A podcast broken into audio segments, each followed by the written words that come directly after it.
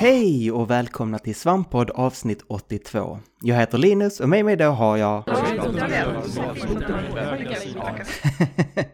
Det är fantastiskt att ha er i studion igen. Men vi ska väl gå vidare till vad vi har spelat. Och kom ihåg, när du hör det här ljudet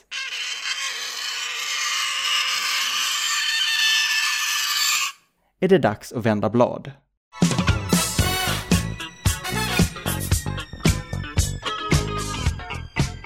Det första spelet jag har spelat inför den här veckan är den efterlängtade uppföljaren till Pong. Pong 2, eller bara Pong som den faktiska titeln är, har valt att frångå speldesignen från det första spelet på flera grundläggande sätt. Din paddel och den välkända bollen har omdesignats till en mer modern AK4 och motståndarens paddel har blivit en person med vagt definierad dialekt och ännu vagare definierad ideologi som du måste skjuta. Spelet är tillgängligt på ett flertal enheter, men tyvärr inga som du äger. SimSim är en simulator-simulator som simulerar hur det är att spela en simulator. Jag har bara hunnit spela några få dygn, men jag är hittills väldigt imponerad över hur väl det fångar känslan av att göra något på riktigt, fast på låtsas. Det känns verkligen som att du på riktigt låtsas göra något på riktigt, även om det såklart är på låtsas. Spelet är tillgängligt i VR, AR och IRL.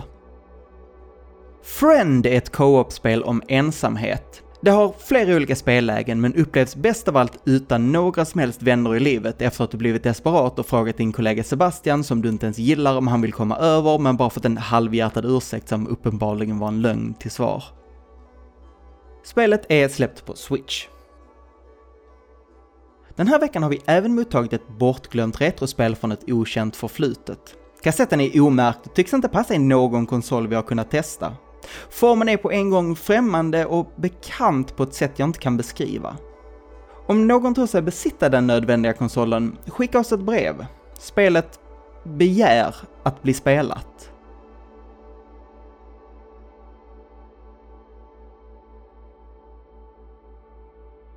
I spelar du som ett abstrakt koncept. Grafiken består helt av genomskinliga voxlar staplade i förvirrande pyramider. Soundtracket har komponerats av Junkie XL i samarbete med en hemlighetsfull buddhistisk sekt. Målet i spelet är att mörda Hitler. Jag har även spelat ett spel som tyvärr är under embargo. Embargo tillåter mig att nämna fyra av spelets primära egenskaper som definierade av John Locke, men inte spelets släppdatum, plattform, genre, utvecklare, utgivare eller namn. Spelet väger 16 gram, är cirkulärt med en radie på 6 cm och en tjocklek på 0,6 mm. Håll ögonen öppna. Och nu blir det nyheter.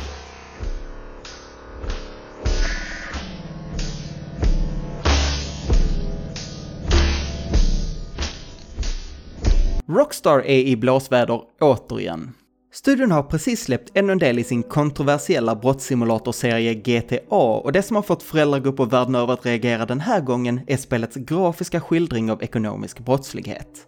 Jens Andersson från gruppen Föräldrar för grundläggande moral säger i ett pressmeddelande att skatteflykt är ett stort och växande problem i dagens samhälle och att den här typen av glorifiering riskerar att normalisera det i ögonen på unga, lättpåverkade egenföretagare. Rockstars Sam Houser bemötte anklagelserna i en intervju med IGN genom att upprepa intervjuarens frågor med en fånig röst. En före detta anställd på CD Projekt Red har i veckan gått ut och vittnat om dåliga arbetsförhållanden under sin tid på företaget. Enligt vittnet, som valt att vara anonym för att företaget inte ska kunna söka upp dem och utkräva en gruvlig hämnd, tvingades anställd på företaget ibland jobba upp till 700 timmar i veckan. Företagets ledning ska också offrat en till två QR-testare i månaden till en bevingad getgud som fungerar som tillförordnad VD sedan getguden drev den förra VDn till en för tidig död. I ett svar viskat till en sorgsen man på en tågperrong förklarar getguden att övertidstimmarna var helt frivilliga då alla anställda hade alternativet att istället få sparken. Och att QR-testare saknar ett rejält människovärde. Och slutligen så har nu äntligen lagen mot tv-spel trätt i kraft. Från och med i söndags är alla former av digitala spel absolut förbjudna i över 250 länder och massiva spelbål har startats runt om i världen. Beslutet kommer efter en hyllad kampanj ledd av den där bandykillen som mobbade dig i högstadiet för att du spelade Super Nintendo. Kampanjens slogan “Har du ens en flickvän din jävla nörd” visar sig otroligt effektiv för att förena människor över såväl det politiska spektrat som nationsgränser. Ett av de få länder där tv-spel fortfarande är lagligt är Rumänien, dit en karavan av jävla nördar har vallfärdat sedan lagen först tillkännagavs. Vi här på Svampriket kommer att anordna vårt eget spelbål nu på lördag och kommer därefter vara fria från vårt ok. Ni är alla varmt välkomna att komma och bränna era spel med oss. Ni vet var.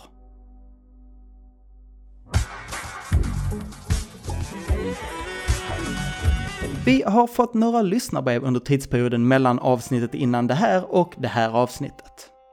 Vårt första meddelande kom i form av ett skrik fångat i en hastigt stängd burk lämnad utanför vår dörr. Hör ni det? Nästa meddelande skickades till oss över IRC och lyder Hej! Mitt namn är Sören och min fråga gäller retrospel.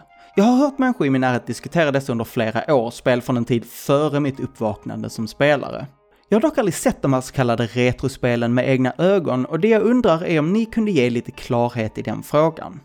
Är retrospel en riktig sak som existerar och i så fall, var hittar jag dem? Hej Sören! Vi vill definitivt inte säga att retrospel inte existerar, då det är en hett debatterad fråga inom forskningsvärlden. Men då vi först och främst vill vara hjälpsamma så rekommenderar vi dig att agera utifrån grundantagandet att retrospel inte existerar. En anonym lyssnare skickade oss följande meddelande. Sluta. Sluta genast med vad ni gör. Sluta. Sluta eller bli stoppade. Ni är på tunn is över ett kallt, djupt mörker. Sluta! Vi kommer stoppa er.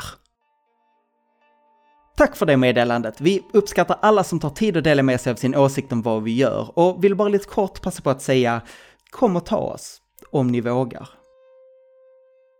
Och med det säger vi tack så mycket för oss. Jag har varit Linus, något jag nu tänker sluta med. Ifall ni vill se, höra eller läsa mer från svampriket så ber vi er att genast uppsöka läkarvård då det kan vara ett tecken på att ni drabbats av en stroke. Vi ses!